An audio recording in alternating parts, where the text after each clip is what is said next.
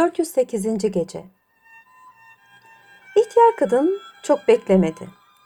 Açılan kapıdan içeri girdi, hizmetçilere, cariyelere kendini tanıttı. Sevgilerini kazanmak için istedikleri fiyata mallar sattı. Bir aralık gözü bir tarafa atılmış olan ve acı içinde inleyen Zümrüt'e ilişti. Cariyelere bunun kim olduğunu sordu. Onlar da olup bitenleri anlattılar. İhtiyar kadın sanki hiçbir şey bilmiyormuş gibi kızlar dedi büyük bir sevap kazanmak istiyorsanız efendiniz evde olmadığı zamanlar buna iyilik edin. Bağlarını çözün, yemek verin. Ah keşke ayağın kırılsaydı da buraya gelip bunu görmeseydim. Zavallı tazeye çok acıdım. İhtiyar kadının bu sözleri evdeki hizmetçilerin ve cariyelerin yüreğini yumuşattı. Zümrüt'e iyi bakacaklarına söz verdiler. Bunun üzerine ihtiyar kadın bir bahaneyle yerde yatan Zümrüt'ün yanına yaklaştı. Usulca ona kendini tanıttı ve yarın gece yarısından sonra sokağa bakan pencerede bekle. Efendin gelip ıslık çalınca daha evvel hazırlayacağın kuvvetli bir iple kendini pencereden aşağı sarkıt dedi. İhtiyar kadın sepetinde kalan süs eşyasını evdeki cariyelere de dağıtarak oradan ayrıldı. Sabırsızlıkla kendisini bekleyen Alişar'ın yanına gitti. Müjde oğlum dedi. Zümrüt'ün kaçırıldığı evi buldum. Kendisiyle görüştüm. Sana yerini tarif edeceğim. Yarın akşam konağın arka tarafına gidersin. Gece yarısı olunca ıslık çalarsın. Zümrüt bir iple yere inecek. Alıp evine götürürsün. Bu haberle sanki dünyalar Alişar'ın oldu. İhtiyar kadına teşekkür ederek ertesi gün iple çekmeye başladı.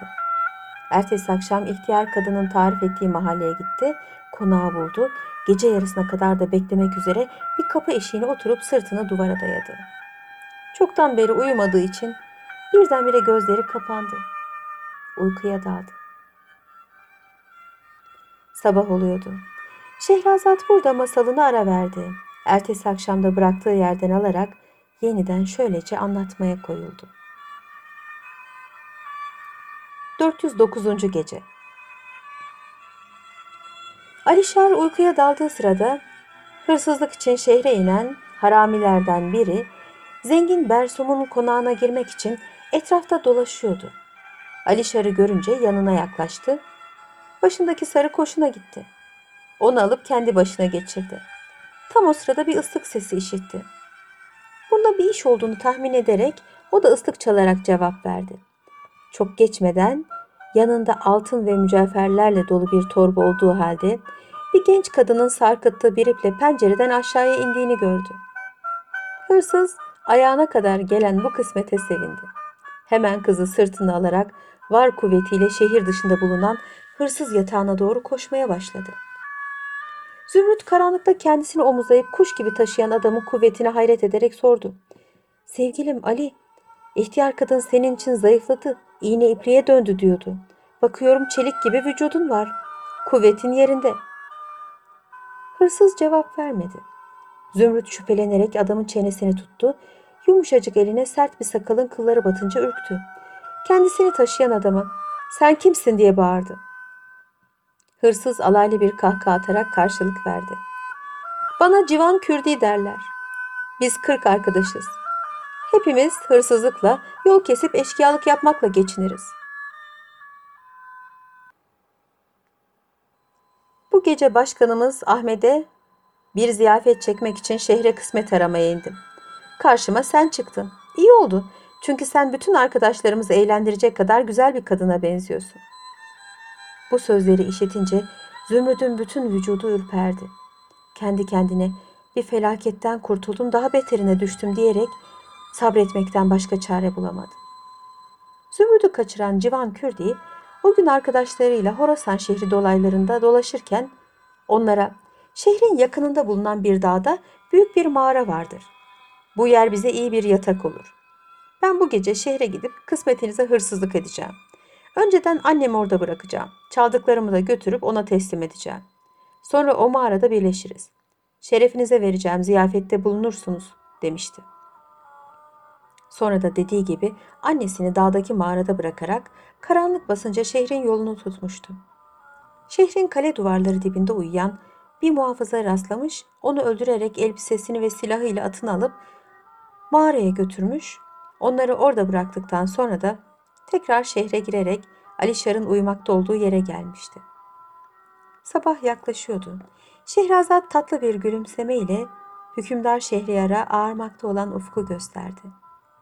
O da masala ertesi akşam devam edilmesini istedi. Şehrazat böylece yarıda kalan masalına ertesi akşam şöyle devam etti.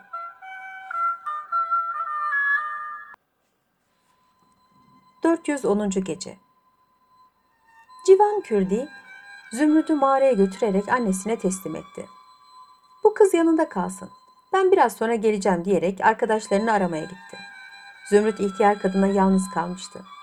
Zavallı cari azılı kırk eşkıya arasında bulunmak felaketin gözlerinin önüne getirerek bir kurtuluş çaresi düşünmeye başladı. Nihayet ihtiyar kadına dönerek teyze dedi. Gel güneşli bir yere çıkalım da saçlarını temizleyelim. İhtiyar kadın memnun oldu. Allah senden razı olsun kızım. Bu adamlarla günlerce yol gezdim. Bir yerde durup da hamama gidemedim dedi.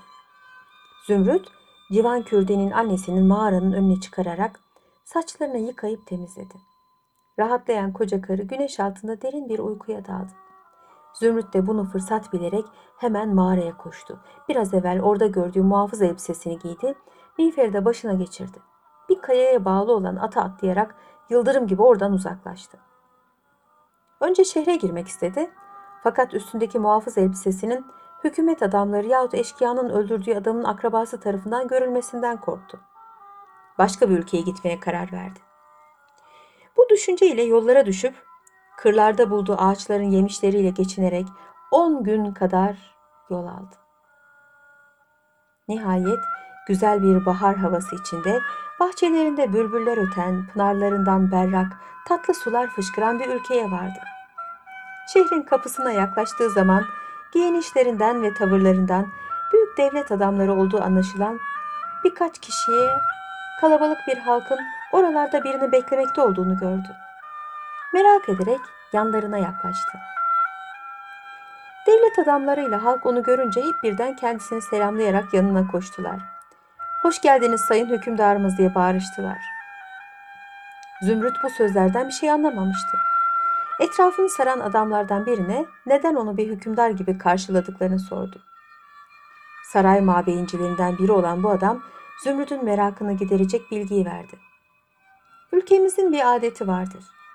Hükümdarımız ölüp de yerine geçecek oğlu bulunmazsa bütün devlet adamları ve halk bu gördüğünüz yere çıkar. Üç gün bekleriz. Şu yoldan gelen herhangi bir yolcuyu alıp kendimize hükümdar yaparız. Çok şükür Tanrı bize sizin gibi yakışıklı ve mert bir Türk yiğidi gönderdi. Zümrüt akıllı ve işini bilir bir kadındı. Kendisini selamlayanlara teşekkür ederek Mabeyinci'ye yüksek sesle ben tahmin ettiğin gibi bir Türk yiğidiyim. Çok asil bir ailenin çocuğu. Bir mesele yüzünden aileme gücendim. Başka memlekete gitmeye karar verdim. Yolum buraya düştü dedi ve yanında getirdiği altınları göstererek bu paraları da yolda rastladığım yoksullara dağıtmak üzere aldım diye sözünü tamamladı. Sabah oluyordu. Şehrazat burada masalını ara verdi. Ertesi akşamda bıraktığı yerden alıp tekrar anlatmaya devam etti.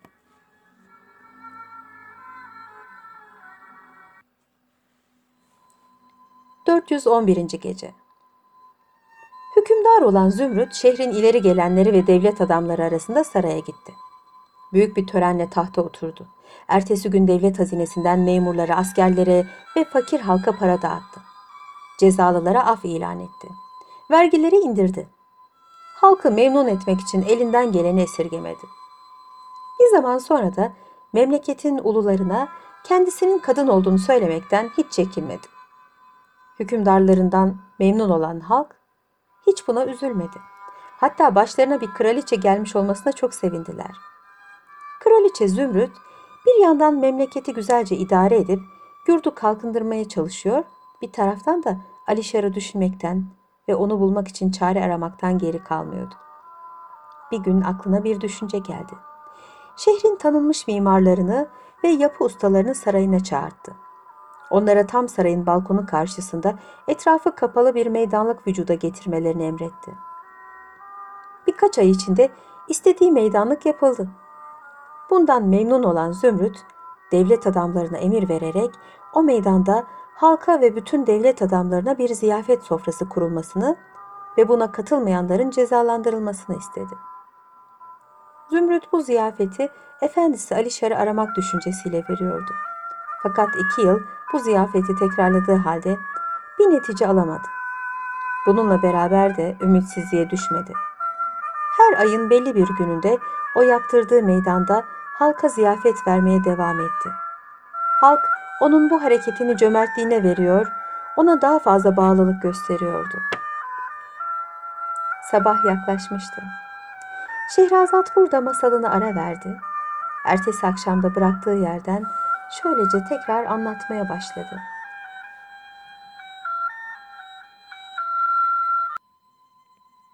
...412. Gece Kraliçe Zümrüt tahta oturuşunun yılında yine adeti üzere şehir halkına bir ziyafet vermişti.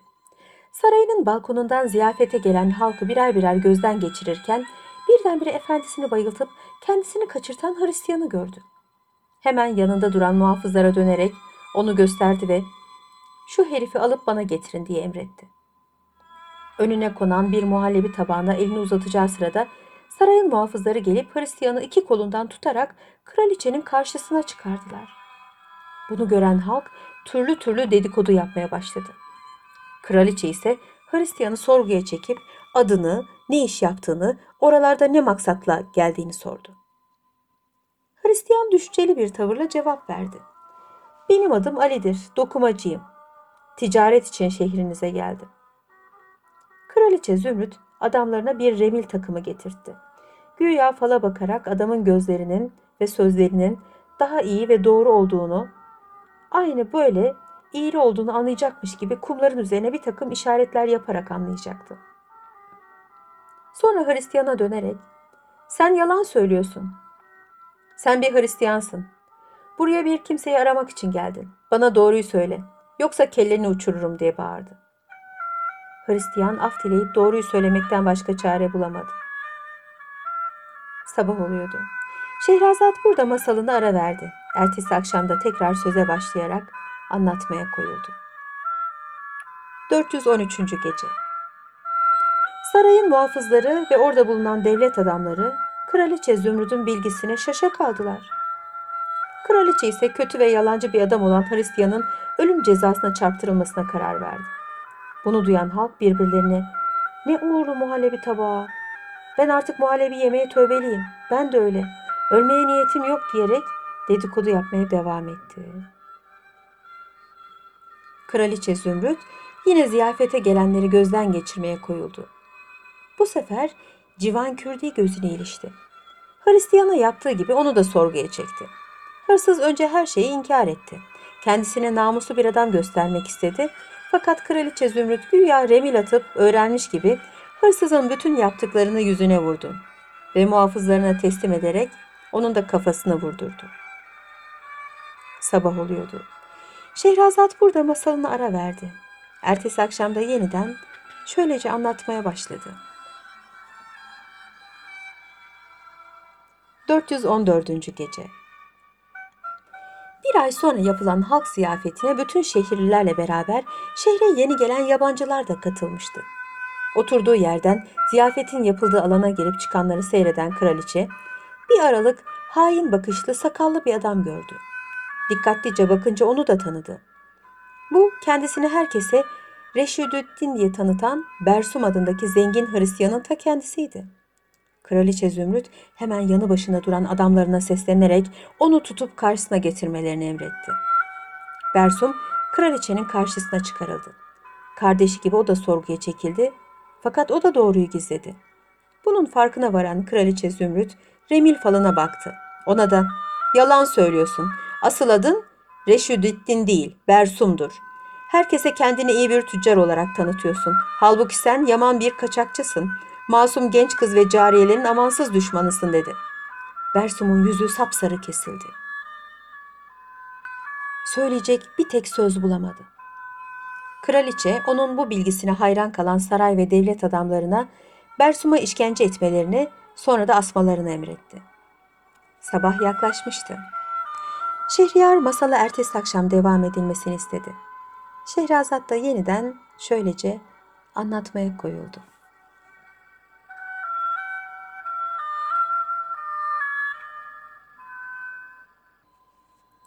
...415. Gece Kraliçe Zübrüt yalnız kalınca geniş bir nefes aldı. Kendi kendine. Çok şükür sana Tanrım. Bütün düşmanlarımdan öcümü aldım dedi ve gözlerinden akan yaşları silerek şöyle mırıldandı. Şimdi bir tek muradım kaldı. O da efendim Alişar'a kavuşmaktır. Bu saadete erişirsem dünyada başka isteğim kalmayacak. Zümrüt bir ay daha sabretti. Ziyafet günü gelip çatınca yine sabahtan akşama kadar saray balkonunda durarak gelip gidenleri gözden geçirmeye başladı. Hep efendisi ve sevgilisi Alişar'ı düşünüyor, bir an evvel ona kavuşmak için de Tanrı'ya yalvarıyordu. Sabah oluyordu. Şehrazat burada masalını ara verdi. Ertesi akşamda bıraktığı yerden alıp tekrar şöylece anlatmaya başladı. 416. Gece Bir gün hiç ummadığı bir anda ziyafet meydanında Alişar'ın geldiğini görünce balkondan kendini atacak gibi oldu. Yüreği heyecandan parçalanacakmış gibi çarpıyordu. Alişar çok zayıflamış, iğne ipliğe dönmüştü. Sevgilisini kurtaracağı gece uykuya dalması onun bu hale gelmesine sebep olmuştu. Alişar güneş doğup gözlerini açınca başındaki sarığın yok olduğunu görmüş, bunu bir hırsızın yaptığını anlamıştı. Fakat kimseyi kuşkulandırmamak için evine dönerek ihtiyar kadına her şeyi anlatmıştı. O da üzülerek, aşık olan uyur mu e oğlum demişti. Alişar, ihtiyar kadının bu sözleri üzerine saçını başını yolmaya başlamış, nihayet de düşüp bayılmıştı. Bir zaman sonra kendine gelince ihtiyar kadına Bersum'un evine gitmesi ve onun orada olup olmadığını öğrenmesi için yalvarmıştı. İhtiyar kadın delikanlının hatrını kırmayarak oraya gitmiş, cariyelerden kızın o gece evden kaçtığını öğrenip Alişar'a anlatmıştı. Sabah oluyordu. Şehrazat burada masalını ara vermek zorunda kaldı. Ertesi akşamda yeniden söze başlayarak hikayesine şöylece devam etti. 417. Gece Sevgili cariyesinin şehirden kaçtığını tahmin eden Alişar, Horasan'dan ayrılarak gurbete çıkmış ve günün birinde Zümrüt'ün hüküm sürdüğü ülkeye gelerek ziyafete giden halka katılmıştı. Ziyafet sofrasında kendisine oturacak bir yer aradı.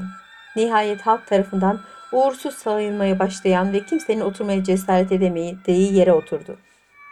Bunu gören halktan biri Alişar'a acıyarak öğüt verdi. Delikanlı buraya oturma. Bu yer uğursuzdur. Ziyafetler başlayalı beri buraya kim oturduysa kafası vuruldu. Hele önüne konulan muhallebiye sakın el sürme. Yaşamaktan bıkmış olan Alişar, ne olursa olsun. Ben zaten canından usanmış bir adamım. Varsın ne olursa olsun dedi ve oraya oturup önüne getirilen muhallebi tabağından yemeye başladı. Bunu saray balkonundan heyecanla seyreden Kraliçe Zümrüt kendi kendine herhalde Ali'nin karnı açtır. Yemeğini bitirsin de öyle çağırtayım dedi. Sabah oluyordu. Şehrazat burada masalını ara verdi. Ertesi akşamda bıraktığı yerden alıp tekrar şöylece anlatmaya koyuldu.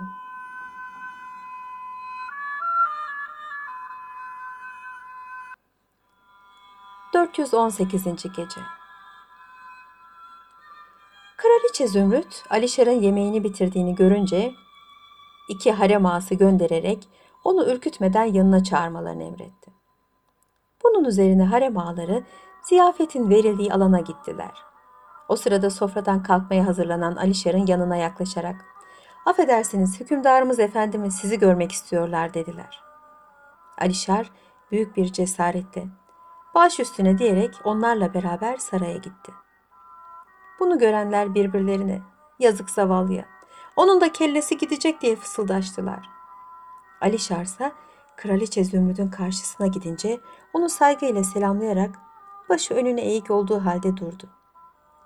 Kraliçe kendini tutmaya çalışarak Ali'nin selamını alıp sordu. Adın nedir? Ne iş yaparsın? Ne maksatla buraya geldin?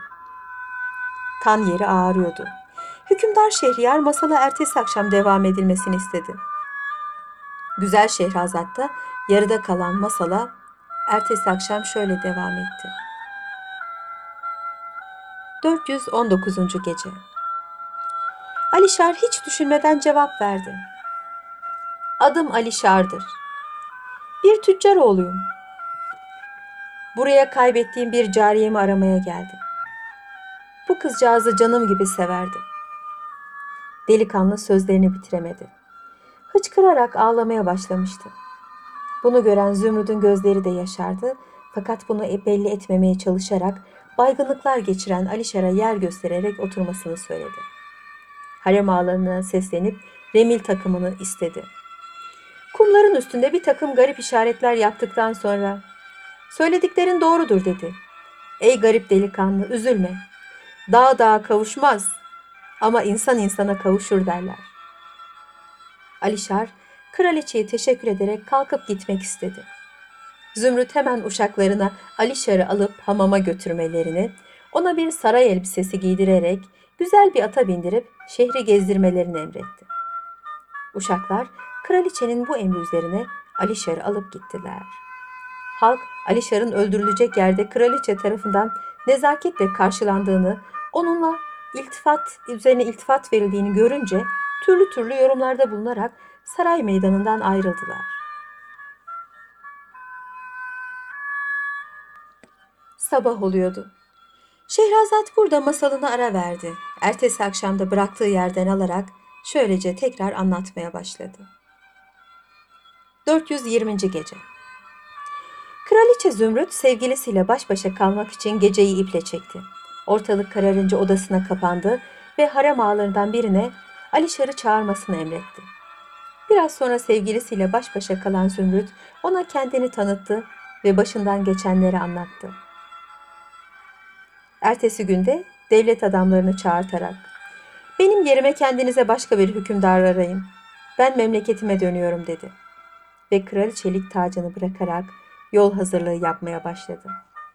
Dört gün sonra Alişar'la beraber Horasan şehrine döndüler. Orada ömürlerinin sonuna kadar mesut bir hayat yaşadılar. Şehrazat'ın bu masalı da burada bitmişti. Kendisini büyük bir hayranlıkla dinleyen hükümdar Şehriyar, hakikaten güzel bir masal dedi. Masal güzel, anlatış güzel, hele anlatan çok daha güzel. Beni memnun ettin Şehrazat. Güzel kız işveli bir gülümsemeyle cevap verdi. Beni memnun ve mesut eden de Efendimizin bu iltifatlarıdır. Demek bu masalı beğendiniz. Halbuki Alişar'la Zümrüt hikayesi şimdi anlatacağım masal kadar güzel değildir. Hükümdar sordu. Neymiş o anlatacağın masal? Yüzyıllardır dillerde dolaşan güzel bir masal. Ali Baba ile Kırk Haramiler. Hükümdar Şehriyar çok güzel dedi. Bunu da dinlemek isterim. Fakat neredeyse sabah olacak. Hadi şimdi yatalım. Yeni masalını yarın akşam başlarsın. Şehrazat böylece o günde cellatlara teslim olunmaktan kurtuldu. Ve akşam yemeğinden sonra hükümdar kocasına Ali Baba ile Kırk Haramiler hikayesini anlatmaya başladı. Birinci cildin sonuydu bu.